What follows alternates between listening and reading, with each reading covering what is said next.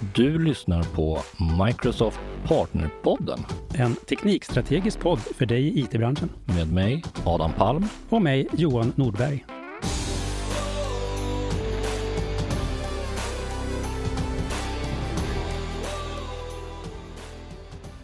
Hallå, hallå och varmt välkomna tillbaka till ytterligare en episod av Partnerpodden. Hur mår du idag Johan? Jag mår bra. Jag mår bra. Ja. Det är fredag när vi spelar in och äntligen får man öppna chipspåsen. Det är det. Är ju det. Eh, och eh, vi har ju även en gäst idag. Varmt, varmt välkommen till min gode vän Anthony McCarrick. Hur är Tack. läget? Det är bra, tack. Och eh, superkul att ni vill tala med mig. Jag ser fram emot samtalet. Jag tycker jättemycket om att prata med dig. Du, och Anthony, du kallas ju för Tony. Ja, helt korrekt. Ja, så att eh, vi kommer kalla dig för Tony nu i podden. Eh, vem är du? Berätta lite om dig själv.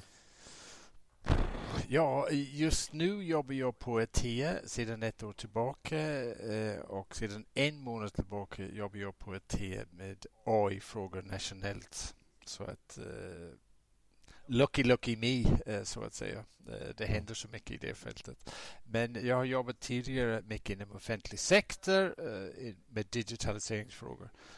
Ursprungligen är jag pedagog och även varit skolledare och ursprungligen kommer från södra Irland, republiken Irland. Jag tänkte fråga, born and bred i Strängnäs, men det var inte. Inte riktigt. Eh, jättekul att du är här. Uh, och um, vi är ju lite sugna på att prata med dig uh, för att du har jobb, du har väldigt mycket erfarenhet av just offentlig sektor och digitaliseringsfrågor. Uh, och du är ju kanske den person som jag har träffat som brinner allra mest för att driva på eh, digitaliseringen i Sverige. Eh, du är väldigt outspoken Eh, när det kommer till att eh, när det kommer till de här frågorna. Eh, och någonting som jag gillar med dig är att eh, det är kul vi, och bra, vi ska prata om saker, vi ska utvärdera saker, eh, men du gillar ju att skrida till verkstad. Eh, skrida till verket heter det, att göra verkstad. Eh, och det är någonting jag verkligen uppskattar med dig. Eh, vad, eh, vad, vad, vad tror du? Är, är, är Sverige ett land i framkant idag när det kommer till offentlig sektor och digitalisering? Tony? Eh, först och främst, eh, tack för, tack för de fina orden. Eh, det uppskattar jag. Dem. Svaret på din fråga i sin enkelhet är nej.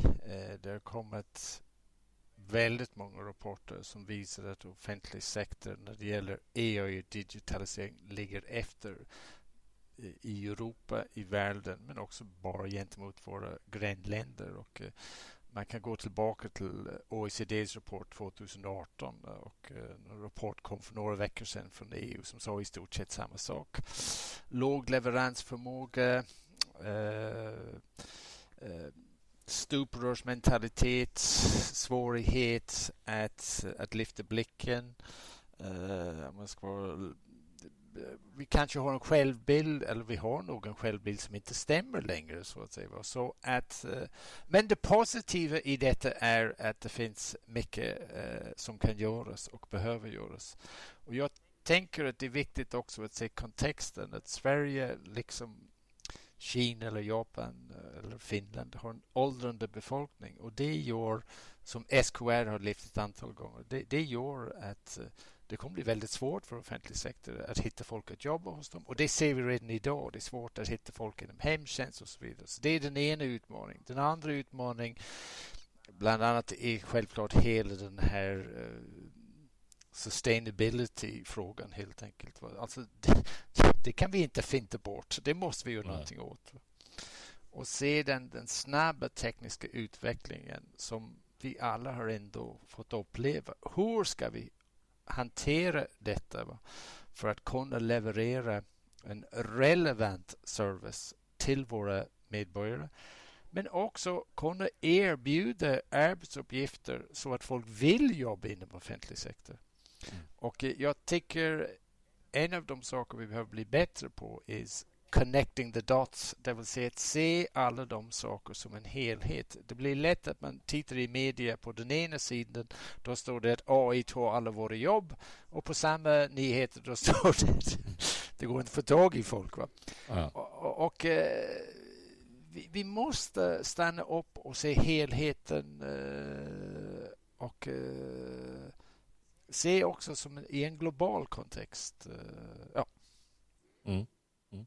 Och jag, jag, förstår ju att det är, liksom, det är otroligt många dimensioner i de här utmaningarna. Eh, men hur mycket av ansvaret faller liksom på politiker kontra liksom den enskilda verksamheten?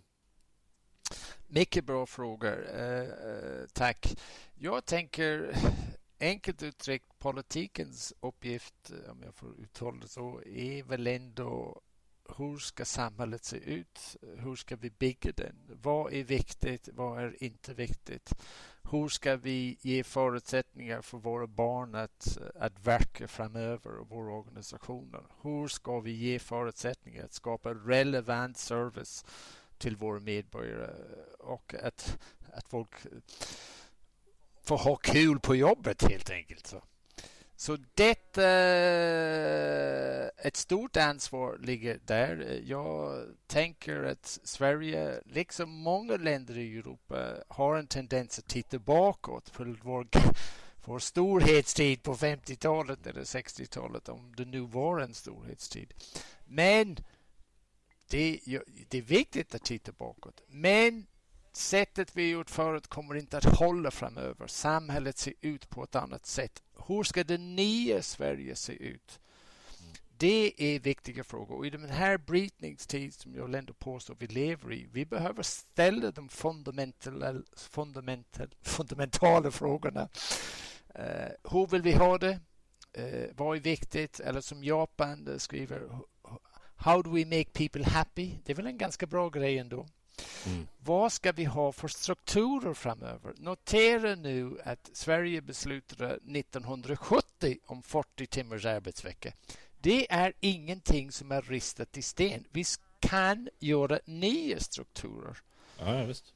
Så att politiken är viktigt. Men vi kan inte, det här är inte en tid där vi ska sitta och vänta på några andra. Jag tycker det är varje människas eget ansvar Eh, att säga sitt och organisationer. Vi måste hjälpas åt. Uh, därför att det är ganska mycket som står på spel. Vi kan lära oss mycket, vill jag påstå, från vår omvärld, från våra närmaste länder, men också från andra delar av världen. Och vi har fantastiska kompetenser i Sverige, vill jag påstå. Vi har väldigt många människor som vill någonting.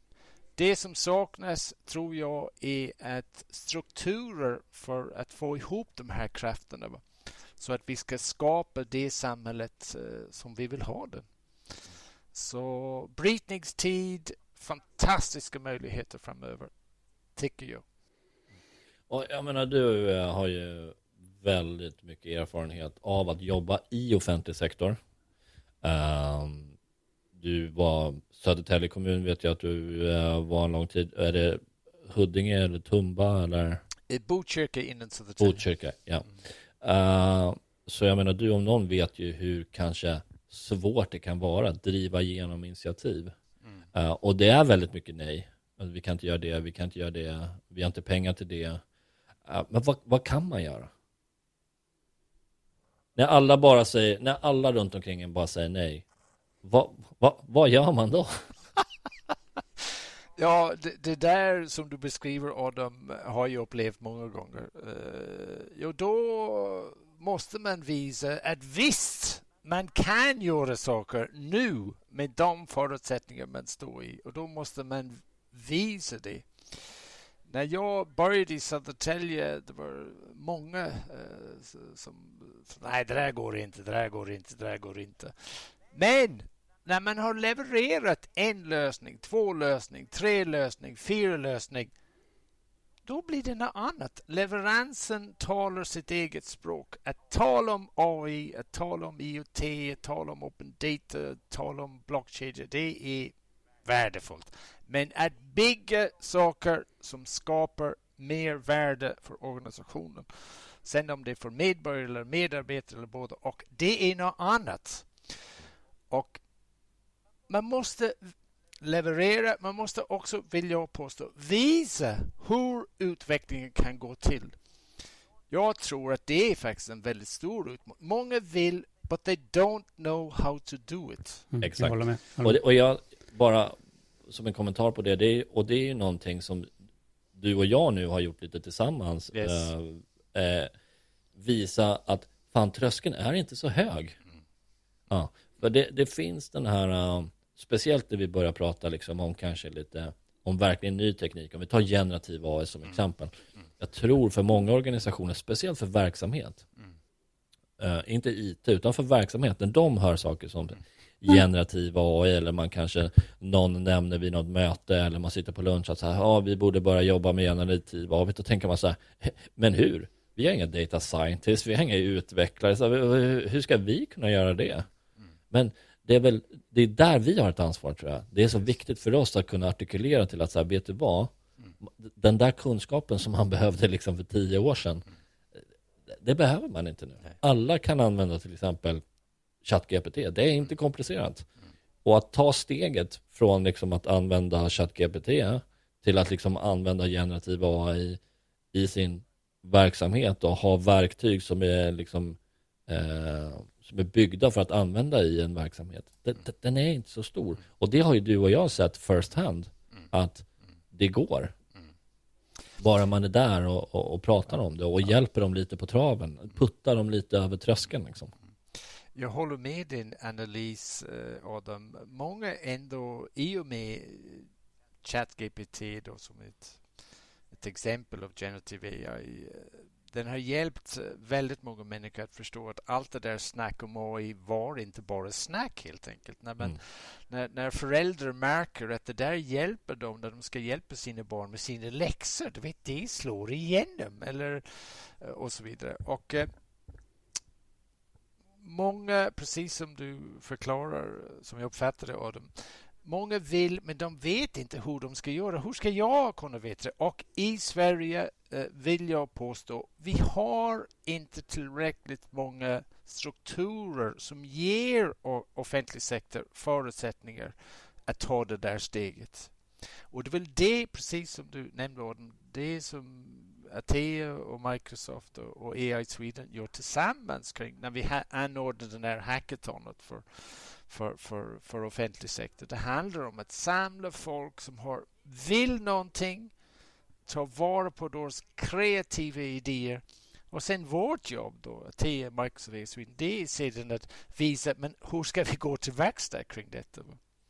för att få upp den här leveransförmågan så att eh, vi går in och, och tar den här iten.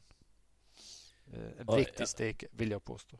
Och, och något som jag har, har, liksom, har lärt mig, och jag, men jag har jobbat mycket med offentlig sektor, men kanske inte på det sättet som jag gjort den senaste tiden.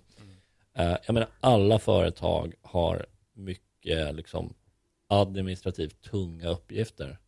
Men offentlig sektor, det är, det är en annan dimension när det kommer till administrativt arbete. Och eh, att se hur liksom de här verktygen kan underlätta det. Eh, det, det tycker jag har varit fantastiskt roligt. Och även liksom saker som vi har stött på, alltså use cases som vi har stött på som jag tycker har liksom eh, otroligt fina och ädla ändamål som eh, vi kan ta till exempel, vi, vi, vi, har jobbat med en kommun som tillhandahåller en taltidning för, för synskadade eller personer som inte kan konsumera text eh, av någon annan anledning. Eh, där man liksom använder en byrå som samlar nyheter från lokalnyheter eller från kommunfullmäktige. Man summerar och så läser man in och publicerar en webbapplikation. Eh, kostar jättemycket pengar. Ganska liksom lågt medborgarvärde. Väldigt få medborgare som egentligen får ut någonting av det. Men en väldigt otroligt viktigt att kunna se till att tillhandahålla information till dem. Där vi nu ser att så här, men det går ju faktiskt att göra precis det lika bra, kanske till och med lite bättre, men, men för en väldigt låg kostnad. Och, och, och det tycker jag, det är ju fantastiskt roligt och givande att få jobba med den typen av projekt. Och jag menar, det här sitter ju, hur många kommuner sitter inte inför den här typen av utmaningar liksom? Du får eh, ett större uppdrag, du får mindre pengar. Och, och eh, jag håller med, det är förmodligen en av mina mest favoriter eh, av de här generative AI-projekt vi bygger just nu med, med Lidingö och Skellefteå. Och, eh, vi kan också den ger andra möjligheter för att personanpassa så att eh, medborgare som lyssnar de kanske vill hellre välja en kvinnlig röst än en manlig röst så att säga. Ja. Steget sedan att, att, att få den levererat i tal på svenska till att få den levererat till spanska eller något annat, det är inte heller så stort helt enkelt. Steget till att skala till andra kontext till exempel som vi fick ett förslag från, jag tror det var Malmö när vi hade någon studiecirkel, att man skulle kunna eh, ta politiska beslut i en kommun, använda generative AI för att summera texten, förenkla texten och sen göra om det till tal helt enkelt. Så att möjligheterna för att, uh, att tillgängliggöra och göra informationen begripligt. Men att, att man tillgängliggör informationen, det är en sak. Men att man gör det så att den är paketerad på ett sådant sätt så att det är relevant till, till motparten. Och sen kan det vara den äldre befolkningen, men det kan lika väl vara tonåringar. Hur ska man paketera det politiska beslut i en kommun så att, att eh, tonåringar kan ta till sig detta? För det är också en del av den demokratiska processen. Självklart finns det en, hel del, en del saker man behöver vara orolig kring AI. Men det finns också fantastiska möjligheter och man kan jobba på båda spår samtidigt. Man behöver inte jobba linjärt. Och det tror jag också är en utmaning. Vi har en tendens inom offentlig sektor. Först gör vi A, sen gör vi B, sen gör vi C och sen gör vi D. Men det där sättet kan vi inte jobba. Vi måste jobba, vill jag påstå, med flera olika saker samtidigt. För då får vi upp farten, då får vi upp leveransförmågan, då lär vi oss mera. Jag tycker också att det finns en tendens i samhället att man tänker så mycket i form av eller istället för att tänka i form av mm. och. Mm. Det måste inte mm. vara mm. antingen är AI farligt eller fantastiskt. Det kan Nej. vara både och, Nej. lite av varje samtidigt. Ja. Och frågan ja. är väl snarare, ja. är det nettopositivt eller är det nettonegativt? Ja. Ja håller verkligen med. Det är som livet i övrigt, det är fullt av paradoxer. och eh, det vi behöver, tror jag ändå om jag får citera Alison Cohen då från, från Kanada som jobbar med ethical AI. Hon menar på att en av våra största utmaningar är att vi ska hjälpa folk att gå från eh, in English då, from fear to trust. Det vill säga från rädsla till tillit. Och eh, jag tror verkligen det. Ett sätt att göra det, det är att, att jobba med kompetenser så att folk får en bättre förståelse. Men vad är hela det där AI-fältet? Och vilka delar bör vi vara rädda för? Och vilka delar bör vi reglera men, och vilka andra delar det behöver vi inte tänka på de här sakerna. Så att vi behöver, eh, när man tittar på de länder i världen som ligger främst kanske, alla har AI literacy högst upp på Eh, uh, agendan. Och apropå politiken, uh, Adam, som du nämnde tidigare, det gäller också alla skikten i samhället. Det betyder inte att man ska vara expert inom AI hur mycket man än kan om AI kan man förlita, tänker jag, och det gäller mig också såklart. Men man måste kunna tillräckligt mycket för att kunna navigera och för att kunna se de här nyanserna som, som uh, du nämnde här. Är det, är det nästan, nästan läge att man har som på 90-talet, där man så här, datorkörkort, kommer du ihåg det? det ja, skulle man ja, behöva uppdatera ja. nu till en, vi behöver ett AI och källkritikskörkort? Jag tror definitivt att vi behöver ta den här frågan om kompetensen på allvar. Hur man sedan paketerar det och, paket, och de sättet som du nämner var väldigt relevant och fick bra genomslag då. Jag tror vi kanske behöver paketera det på ett annat sätt. Men det frågan måste vi adressera. Och om vi bara tittar till vår grannland Finland. De är, har hållit på med det här i fem, sex, sju år. Så att säga. Så att vi kan lära oss mycket från andra länder. Hur jobbar de med kompetens så att vi får mer nyanserade samtal så att vi får, får ta, kan ta bättre beslut som gagnar våra samhällen. Och det så att det inte blir polariserat. Så det tror jag är en jätteviktig fråga som vi behöver hjälpas åt med, tänker jag. Jag, um jag och Johan hade, vi hade förmånen att prata med en kille som heter Jason Pfeiffer. Mm. Mm. Ja. Uh, och han jobbar med, uh, med förändring. Uh, han har byggt en karriär på, på att skriva, prata om förändring. Ja. Och han pratade om någonting som var ganska intressant. att han pratade om, om att våra, ska vi säga, våra, våra hjärnor är liksom programmerade att registrera vad går vi miste om? Om någonting förändras, vad är, vad är, det, vad är det vi går miste om? Okej, vi kommer gå miste om det här, ja men då går vi miste om det där och så liksom bygger man på. Istället för att tänka så här, okej, men vad tjänar jag nu? Ja. ja. Så precis som det, det Johan var inne på, det, är, är det net loss eller net gain? Ja. Uh, jag, jag gillar det som du tog som exempel där, uh, Tony, att på, någon gång på 70-talet så bestämde vi att så här, ja, men vi ska jobba 40 timmar i veckan. Mm. Mm.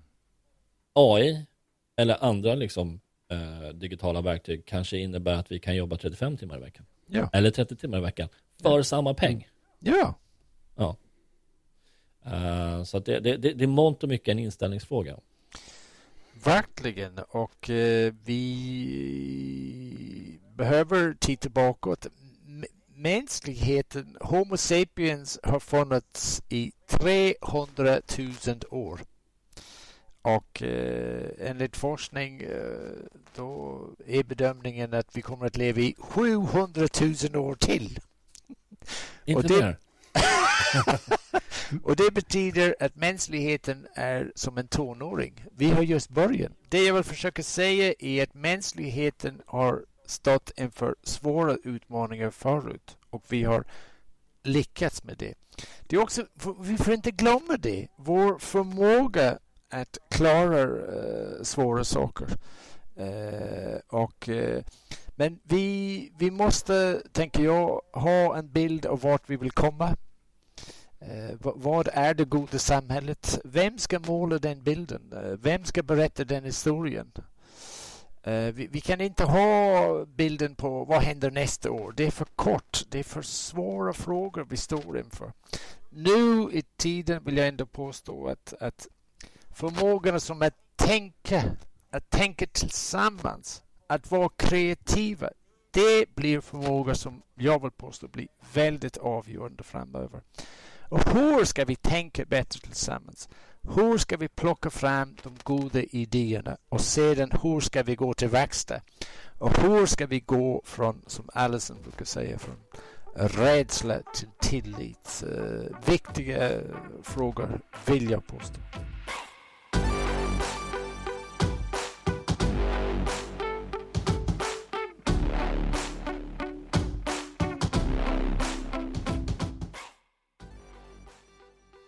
Ja, just det. Den, den, det känns så... Eh, det är inte bara med AI. Jag tänker även den här frågan om, som vi på Microsoft brottas med hela tiden, att vissa kan inte använda till exempel Azure för att de är så rädda för att data skulle läcka till USA. Även fast, mm, liksom, jag vet inte hur, hur man ens mer ska kunna bevisa att det kanske inte är så stor risk för att det faktiskt händer. Och det är också just den här rädsla eller tillit. Mm. Ja. Det, är, det är så ja. många områden ja, där det sker hela tiden. Ja, ja. Och eh, tack Johan, jag, jag håller med dig. Så det, det där med rädsla, eh, att folk... Och jag är också rädd för saker och ting såklart. Och jag vet att när jag blir rädd, ja, jag, då tar jag beslut som inte är särskilt genomtänkta. Så det behöver vi ta på allvar. Eh, och eh, då tycker jag den här typen av samtal är ett sätt att försöka nyansera samtal. Vad ska vi vara rädda för? Ja, vi kanske ska vara rädda för våra egna rädslor. Vi kanske ska vara rädda för polarisering i samtalen. Vi kanske var rädda för att vi har inte tillräckligt mycket fokus inom offentlig sektor på våra medborgares förväntningar eller för våra medarbetares förväntningar. det tycker jag vi bör vara, vara rädda på. Vi bör, tror jag, eh, ändå. Mm. Jag tänkte också på en sak du sa. Att, jag fick också, det känns som att vår, vår självbild i Sverige har fått sig en törn på ganska många områden senaste yes. åren. Um, det känns lite som att vi har varit ett, ett typ ett idrottslag som har vunnit för mycket för länge och tror att det är lugnt. Vi kan, fort, vi kan vi fortsätta kan vinna. Det, det har vi gjort i 10, 20, 30 ja. år nu. Det är klart att vi kommer vinna. Ja. Men nu börjar liksom andra lag hitta nya sätt att passa bollen på som inte vi har en aning om. Och fasiken tog den vägen? Jag, jag håller med din analys, eh, verkligen.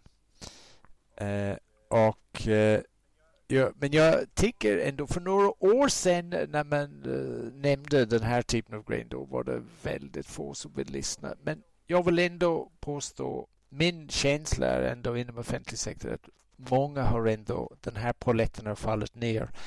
Och då betyder det att det är nu vi kan göra någonting åt det. När man får den här självinsikten. Nej, det sättet vi har jobbat, det, kanske, det var kanske fantastiskt bra helt galet fantastiskt bra förut. Men det håller inte nu. Nej, för förutsättningarna har förändrats så mycket så att det funkar inte längre. Tack! Och så ser världen alltid ut. Det som fungerade förut kanske inte alls fungerar. Hur ser det ut nu? Och jag tänker ändå att mognaden kring den här frågan har ökat väldigt mycket och det betyder att möjligheterna nu är också stora. Därför att, att insikten om att vi, det går inte att fortsätta på det här sättet. Uh, och inte minst med, med kopplingen till de saker jag nämnde, åldrande befolkning, eh, hållbarhetsfrågorna, snabba tekniska utveckling. Tänk alla organisationer, både privat och offentligt, som har gått in i Code Red. Alltså folk kan ringa mig och säga Tony, varför sa du inte det där om AI förut? Vad ska jag göra? Eh, där man, inte, man har fintat bort de här frågorna och tänkt äh, det går bra att göra ett, ett jobb som vi har jobbat tidigare med utveckling, men göra saker lite bättre. Det fungerar inte. Världen ser inte ut på det där sättet. När OpenAI gick ut bara för tre veckor sedan, ja, nu snart ska du kunna tala med, eh, med ChatGPT. Och sen kunde jag göra det tre mm. veckor senare. Nu kommer bilderna på, istället. På, på ja. engelska, svenska och mm. geliska. Alltså... Det är en av min favoritaktivitet jag tar nu. Prata ha konversationer med ChatGPT. ja. ja. Men um, så att uh, tiden är mogen vill jag ändå påstå. We have a window of opportunity i Sverige idag, i Europa, i världen. Uh, men vi måste ta den. Att vänta är inte svaret. Att vara tyst är inte heller svaret. Att, uh, att, att nyansera samtalen, ha fokus på men hur ska vi skapa värde inom offentlig sektor? Vad menas med värde inom offentlig sektor? Varför är vi på jobbet? Uh, ja. ja. ja, jag skulle vilja, jag vet inte om ni såg det, men det här var, det är ett litet tag sedan, men det var congressional hearing uh, uh, angående just generativ AI eller AGI, eh, alltså Artificial General Intelligence. Yes. och bland annat Sam Altman som är CEO för OpenAI var kallad som vittne. och i nu fick jag hjärnsläpp, jag vet inte vad det heter på opening statement, vad heter det på svenska? Inför, initialt, nej jag vet inte, skitsamma. Ja. Uh, så var det ändå uh, en ur kongressen som, som pratade lite och han påstod där och då att så här, ja, men, AI och kanske AGI då mm. är en lika stor teknisk innovation om inte större som internet. Mm. Det vill säga att AI och AGI kommer ha lika stor inflytande på våra liv, på gott och ont, som internet har haft. Uh, och han pratar också inte om att så här, det här är liksom ingenting som kommer hända om tio år, utan det här är här och nu. Och jag vet att uh, under Bild, som är vår liksom, årliga kongress för utvecklare, så hade vi vår CTO på scen som sa ungefär samma sak. Vad är er bild på, på det uttalandet? För det är ändå ganska, det är väldigt starkt för internet. jag, jag, kan inte tänka mig, det är få tekniska innovationer som har haft lika stor betydelse för mänskligheten som internet har. Och jag har svårt att se att kanske generativ AI eller AI ska ha lika stor betydelse för oss som internet har haft. Men, men vad, vad tror ni? Oj, vilken bra fråga Adam. Um, om man får reflektera, jag, jag minns när internet började slå igenom eh, och eh, sen blev det platt fall i några år och sen blommade det så att säga. Så att, eh, det väl, ja precis, för det tog ju tid. För jag menar, ja. tänker man så här, vad, vad, vad, sa man där liksom i, på 90-talet? Då sa man så här, ja men det kommer förändra liksom, ja. det kommer förändra hur vi äh, köper saker, det kommer ja. förändra hur vi konsumerar information, det kommer förändra det ena och det Och allt det där var ju sant. Men det tog ju liksom ett tog ju 12 år innan det hände liksom. Ja, ja. Um, och det tror jag vi kan lära oss av detta. Och vi människor har oftast väldigt svårt att begripa hur de här samhällsförändringarna kan slå igenom så att säga. Men om jag ska svara på din fråga. Blir det blir AIs genomslag eh, lika stort som internets genomslag. Och då tänker jag inte bara generative AI, men hela AI-fältet. För generative AI eh, tror jag kan skapa väldigt mycket nytta här och nu. Men generative AI är ett litet fält av hela, hela AI-fältet, eller smörgåsbordet som jag brukar säga. Men eh,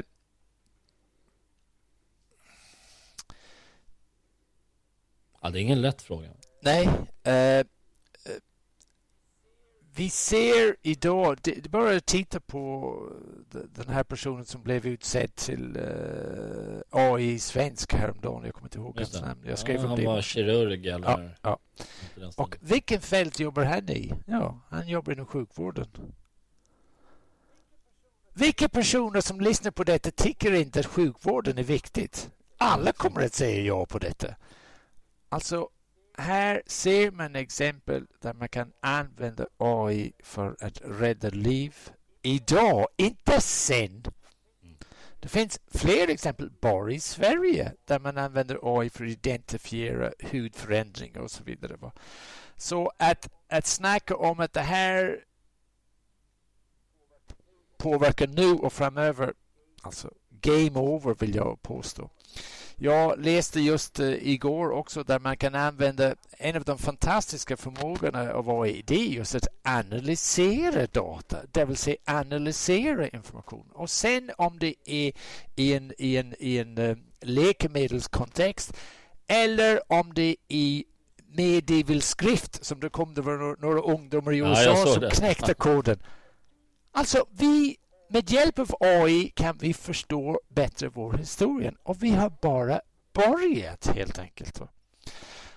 Så att den kommer att ha en avgörande betydelse för sjukvård, ett avgörande betydelse för utbildning Alltså, vad blir viktigt att lära framöver? Ni säkert vet att Indien bestämde för sex månader sedan, eller sju kanske, att alla elever från årskurs sex, eller om det var sju, skulle ha innovation på curriculumet.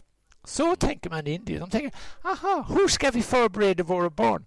Ja, därför att polletten har ändå fallit ner någonstans politiskt i Indien att things are not as they were before. Vi kan inte fortsätta som förut. Och det tror jag vi ska ta till oss här i Sverige där vi har en väldigt fokus på att alla ska få en egen bok i skolan. Jag älskar böcker. Fantastiskt förslag. Men det räcker inte. Så att eh, och sedan eh, läkemedel, Eh, Eh, sjukvård, det vill säga, kommer enorm påverkan.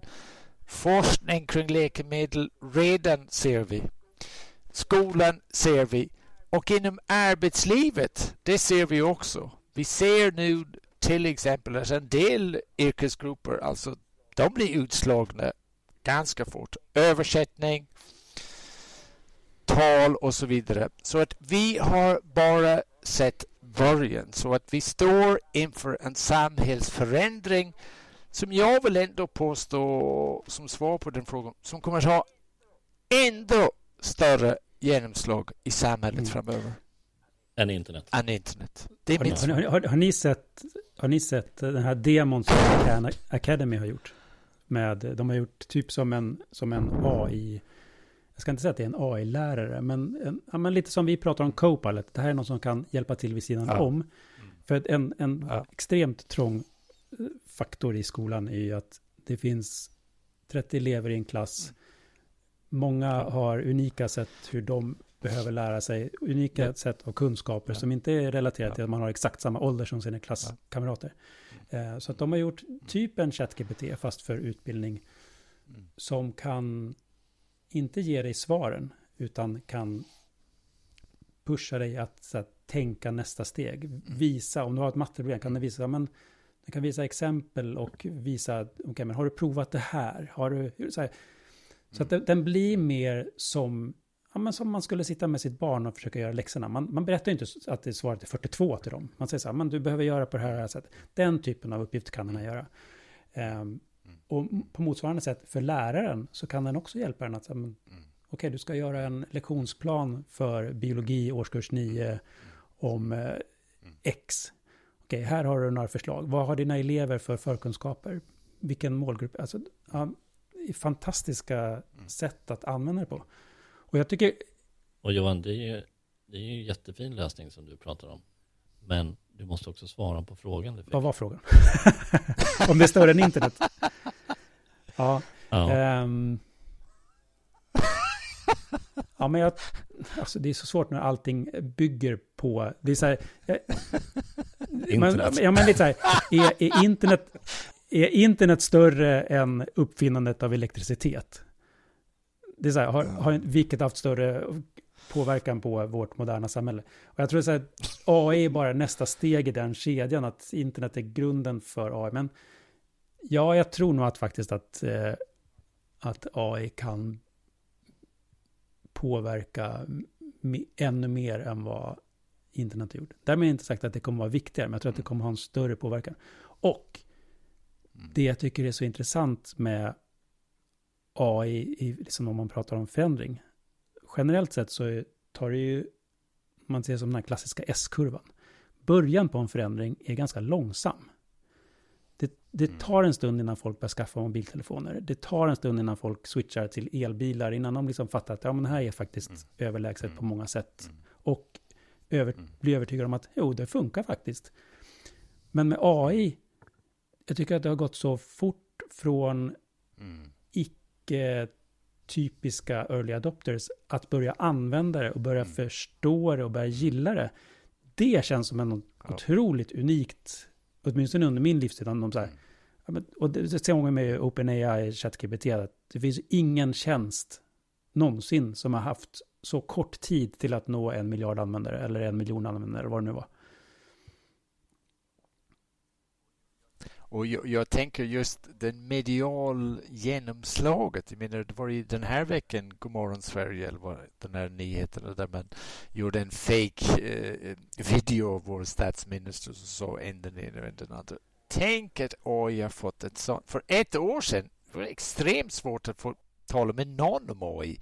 Och nu har de slagit igenom och fort som attan går det Johan. Eh, och folk ser eh, möjligheterna eh, och just det där med simultaneous translation att man kan, så att man kan tala i olika språk. Alltså vilken möjligheter för att öka lärande. Det är helt galet. Men självklart, andra sidan av myntet, eh, möjlighet för att jobba med fake news.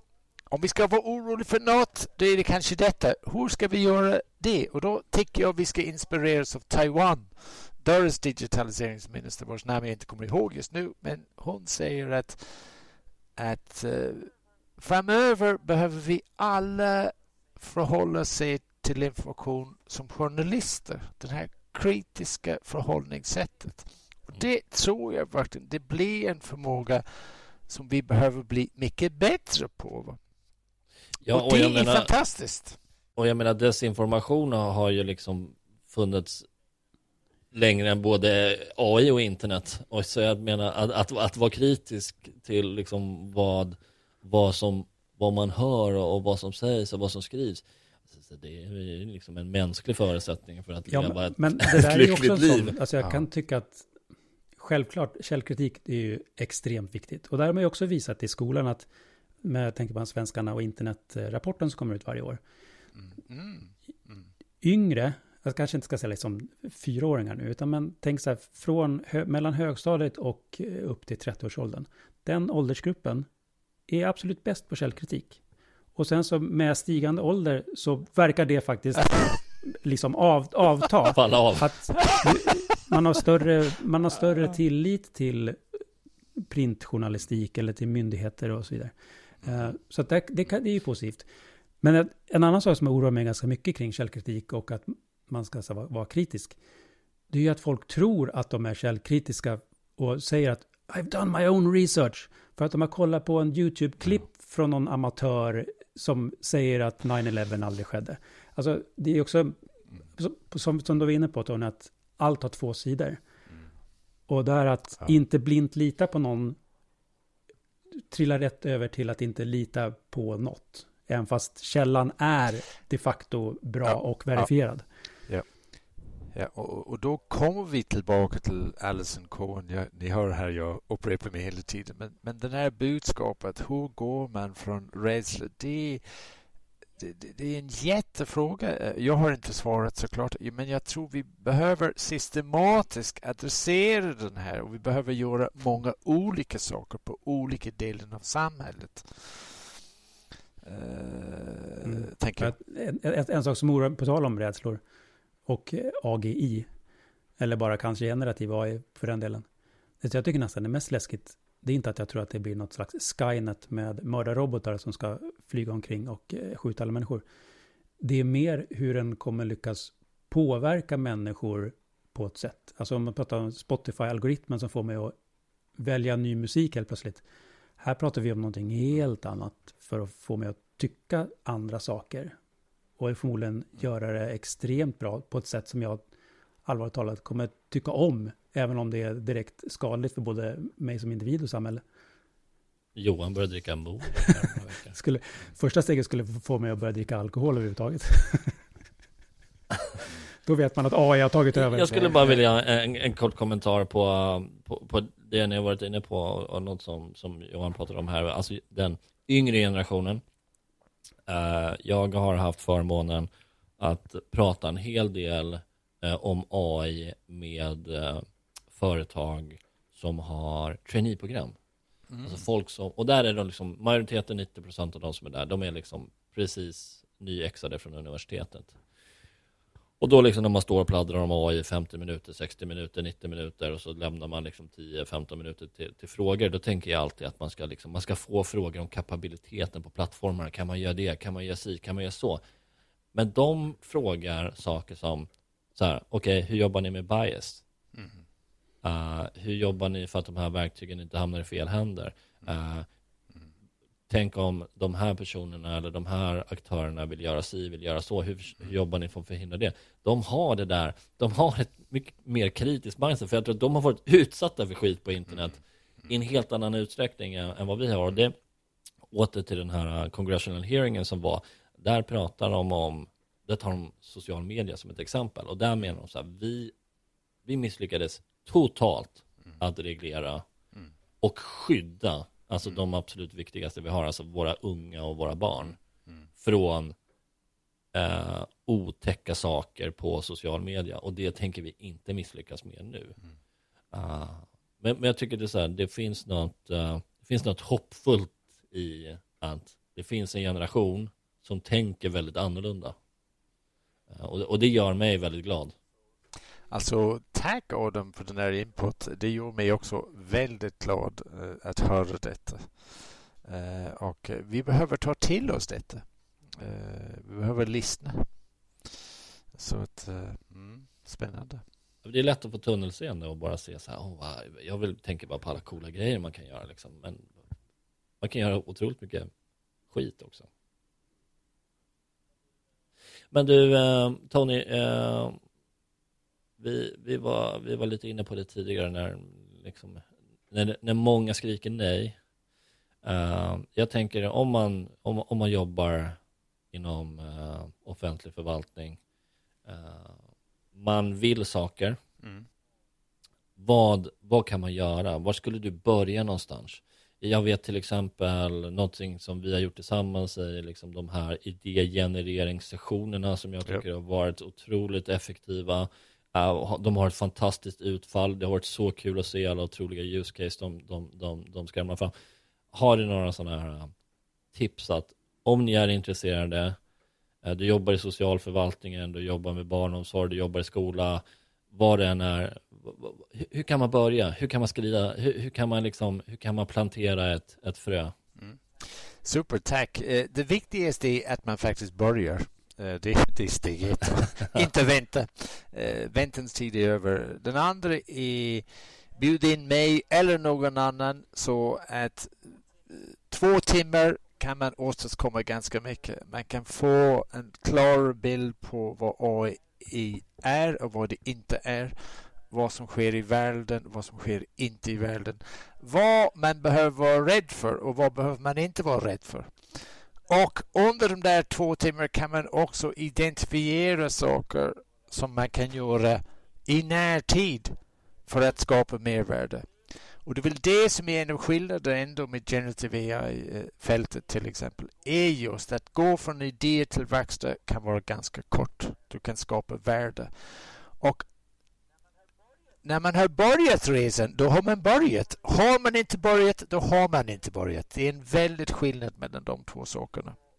Så apropå fear to trust, kunskap, fakta, verkstad, skapa mer värde nu.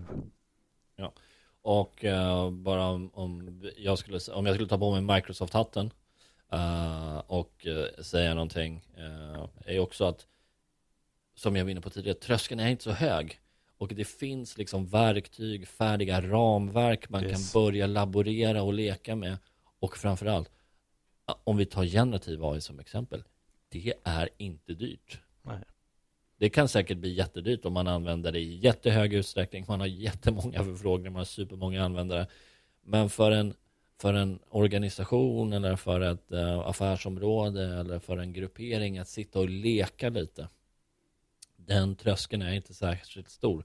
Det finns uh, OpenAI Studio, det finns Playground, det finns, det finns produkter som man kan gå in och labba med, jobba med syntetisk data, jobba med riktig data och det kommer inte kosta er några pengar. Det kommer kosta Mängden konsulttimmar för att komma igång och göra någonting användbart med det här jämfört med så som mm.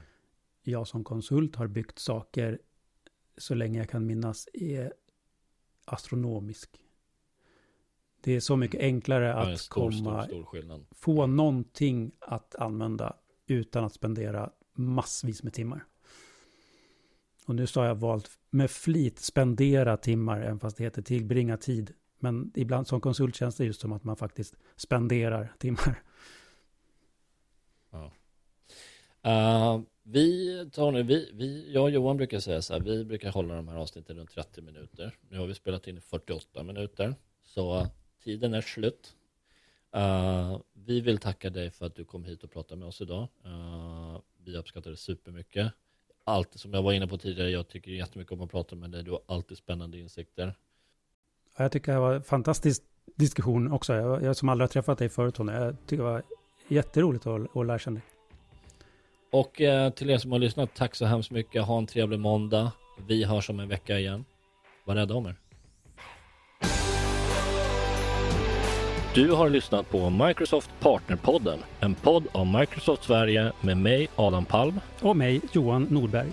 Som vanligt hittar du länkar och resurser på aka.ms partnerpodden. Maila oss gärna på partnerpodden at microsoft.com.